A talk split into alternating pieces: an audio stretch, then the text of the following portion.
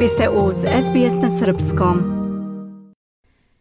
Slušate SBS na Srpskom. Ja sam Biljana Ristić. Ostanite sa nama do 16 časova. Aktivisti kampanje za glas iz redova autohtonih naroda izjasnili su se protiv, kako nazivaju, sramnog rezultata referenduma od 14. oktobra, na kojem je 60,69% građana Australije glasalo sa ne na pitanje o unošenju glasa autohtonih naroda pri parlamentu u Ustav. Poslali su pismo koje nisu potpisali pojedinci, kritikujući dezinformacije, neadekvatnu podršku savezne opozicije i medijsko vođenje kampanje, kako izveštava Esam Al-Galib za SBS News. Vi ste uz SBS na Srpskom. Vođe kampanje Da iz redova autohtonih naroda prekinuli su čutanje povodom referenduma od 14. oktobra opisujući rezultat kao sraman.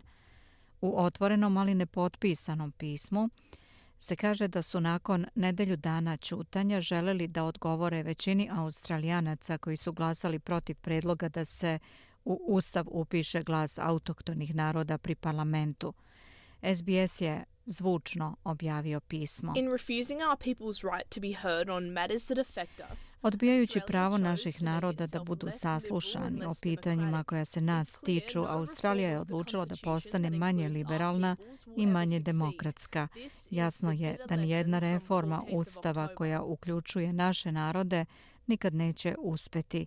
Ovo je gorka lekcija od 14. oktobra. Poslednje prebrojavanje sa referenduma pokazuje da je bilo 60,69% glasova protiv glasa na nacionalnom nivou i 39,31% za. Svaka država je odbila predlog, a prestonička teritorija je jedina jurisdikcija koja je podržala kampanju da. Premijer Antoni Albanizi priznaje razočarenje aktivista iz redova da kampanje, ali kaže da se izbor Australije mora poštovati.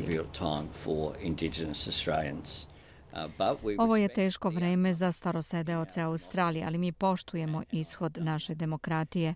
Ja sam upravo to uradio. Ono što ćemo nastaviti da radimo jeste zatvaranje jaza, rekao je on. U pismu u kojem se ne navode njegovi konkretni autori, navodi se da su očekivali da će čuti opraštajuće komentare nakon referenduma onima koji su glasali sa ne. Istina je da je većina Australijanaca počinila sramno delo, svesno ili ne, i da se iz toga ne može ništa pozitivno tumačiti. Malo je šta moglo da se uradi nakon što je savezna opozicija objavila da se protivi glasu, navodi se u pismu. Podrška referendumu je pala od trenutka kada su lideri liberalne i nacionalne partije, gospodin Dutton i gospodin Lil Proud, odlučili da se suprostave predlogu glasa pri parlamentu nakon više od decenije dvopartijske podrške. U pismu se dalje opisuje nivo dezinformacija oko kampanje koji je doveo do datih rezultata glasanja kao bez presedana, navodeći da je kampanja izazvala tsunami rasizma. U pismu su također kritikovane medijske organizacije zbog, kako se tvrdi, laži u političkom oglašavanju i komunikaciji. Znamo da su vodeći mediji izneverili naše ljude, favorizujući lažni osjećaj ravnoteže u odnosu na činjenice. Tetka Janine Jetman je tradicionalna vlasnica zemlje iz severnog Queenslanda i govorila je za ABC radio.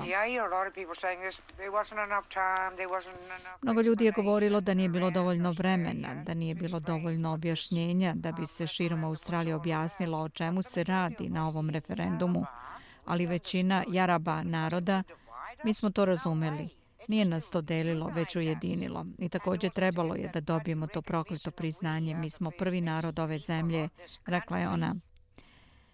Budite informisani o referendumu o glasu autohtonih naroda pri parlamentu 2023. Posjetite različite platforme SBS-a da saznate više, uključujući informacije iz ugla prvih nacija koje se objavljuju kroz NITV. Posjetite SBS Voice Referendum portal da biste čitali članke, pogledali video ili slušali audio podcaste kao i podcaste na više od 60 jezika ili da biste gledali vesti i analize, dokumentarce i zabavni program besplatno na Voice Referendum Hub on SBS On Demand. Želite da čujete još priča poput ove? Slušajte nas na Apple Podcast, Google Podcast, Spotify ili odakle god slušate podcast.